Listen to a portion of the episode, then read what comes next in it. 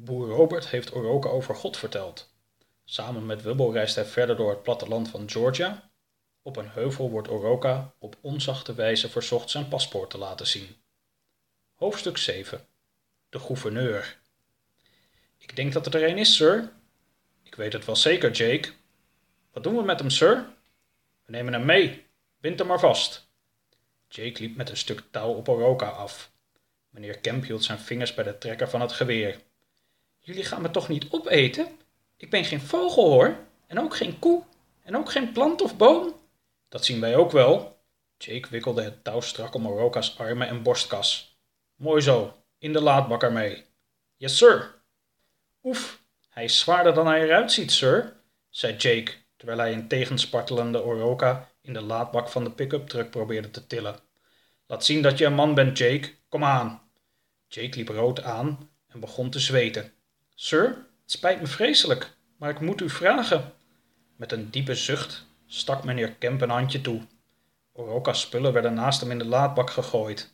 Meneer Kemp startte de motor. Een half uur reed de truck door een landschap van velden en bos, zoals Oroka dat inmiddels goed kende. De bestemming bleek een houten plattelandshuis te zijn. Naast het huis stond een bijpassende garage waar de truck voor stopte. Boven de garagedeur hing een vlag met twee rode en een witte streep, witte sterren en een gouden boog met gouden pilaren. Tussen de ramen van de bovenverdieping van het huis hingen aan twee grote witte vlaggenstokken twee grote Amerikaanse vlaggen. Oroka, die tijdens het rijden in de laadbak was gaan staan, Jake had zijn benen niet vastgebonden, en die onderweg het gevoel had gekregen dat het allemaal wel goed zou komen, hij had het ritje eigenlijk wel leuk gevonden, sprong met een mooi boogje uit de laadbak. Jake en meneer Kemp keken hem verbaasd aan. En nu? Naar binnen jij. Ga daar zitten, zei meneer Kemp, wijzend naar een stoel aan een kleine tafel. Oroka deed wat van hem werd gevraagd. Meneer Kemp ging tegenover hem zitten en klapte een laptop open. Eens even zien, mompelde hij. Nieuw formulier, nieuw formulier. Ah, hier. En dan nu eerst een foto. Kijk maar aan. Meneer Kemp pakte zijn telefoon en maakte een foto van Oroka's gezicht. Vervolgens tikte hij een paar keer op het scherm van zijn telefoon, waarna hij naar het scherm van zijn laptop keek, waarna hij weer op het scherm van zijn telefoon begon te tikken en wederom naar het scherm van zijn laptop keek. De minuten die volgden kreeg Oroka de indruk dat meneer Kemp steeds meer last kreeg van een rond zijn hoofd zoemende mug. Uit ervaring wist hij hoe vervelend dat kon zijn, maar hij zag het kleine diertje nergens. Jake, riep meneer Kemp door het huis. Yes, sir, klonk het vanuit een andere kamer. Kom eens hier. Yes, sir. Jake kwam de kamer binnen. Handel jij dit maar af. Ik ga buiten hout hakken. Yes, sir. Jake begon allerlei vragen te stellen. Hoe lang ben je al in Georgia? Ben je al in aanraking geweest met de politie? Hoe kom je aan de spullen die je bij je hebt? Oroka probeerde alle vragen zo goed mogelijk te beantwoorden, terwijl Jake druk achter zijn laptop zat te tikken. Goed, en je nationaliteit? Mijn wat? Je nationaliteit. Waar ben je geboren? Waar kom je vandaan? Het heeft geen zin om hierover te liegen. We weten allebei dat je hier illegaal bent. We zetten je hoe dan ook het land uit. Nou, waar kom je vandaan? Uit het buitenland. Ja, dat snap ik. Maar uit welk land? Nee, ik bedoel uit buitenaarde. Uit buitenaarde? Waar heb je het over? Luister, mannetje. Ik kom van een andere planeet. Dat is wat ik bedoel. Jake viel stil. Ja, die reactie ken ik. Maar het is echt waar. Buiten klonk het geluid van een bijl die stukken hout in stukken spleet. Blijf zitten, beval Jake. De jonge man verliet de kamer. Even later hielden de geluiden buiten op. Hij zegt dat hij van een andere planeet komt. Hij zegt wat? Ja, dat was ook mijn eerste reactie, sir.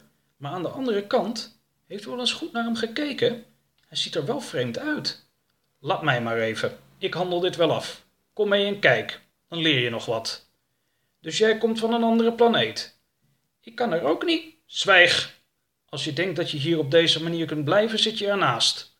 Desnoods stuur ik je met een raket de ruimte in. Een enkele reis naar de sterren. Mij ook best. Maar het lijkt me beter dat je gewoon de waarheid spreekt. Sir, begon Jake zachtjes op de achtergrond. Wat nou weer, Jake? Ik bedenk me net iets, sir. Jake begon in meneer Kemps oor te fluisteren.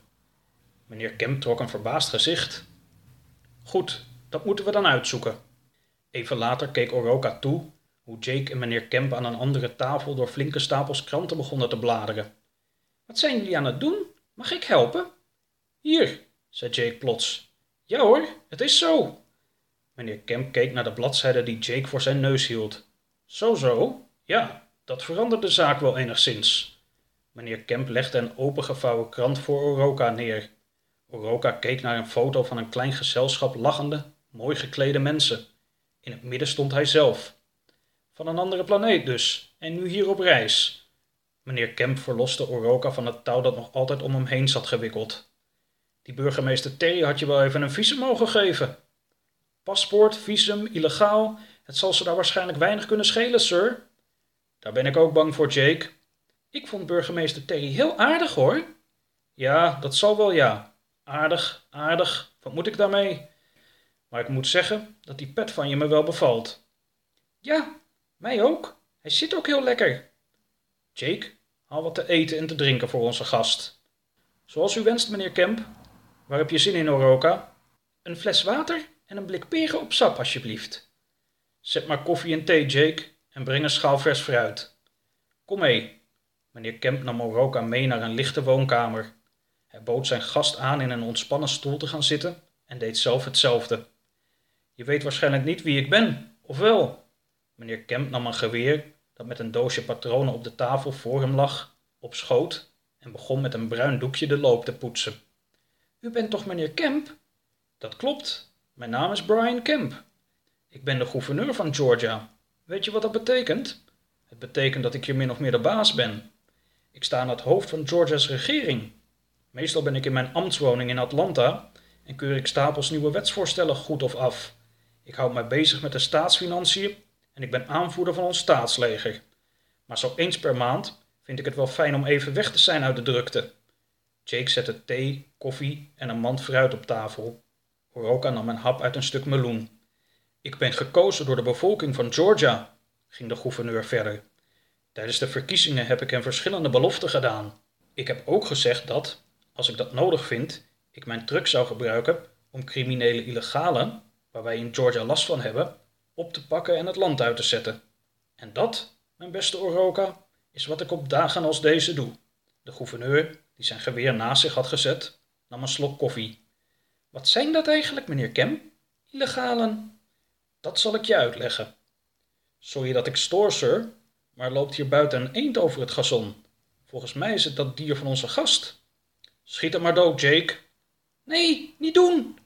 Grapje, knul. Geef hem maar een bakje water, Jake. Yes, sir.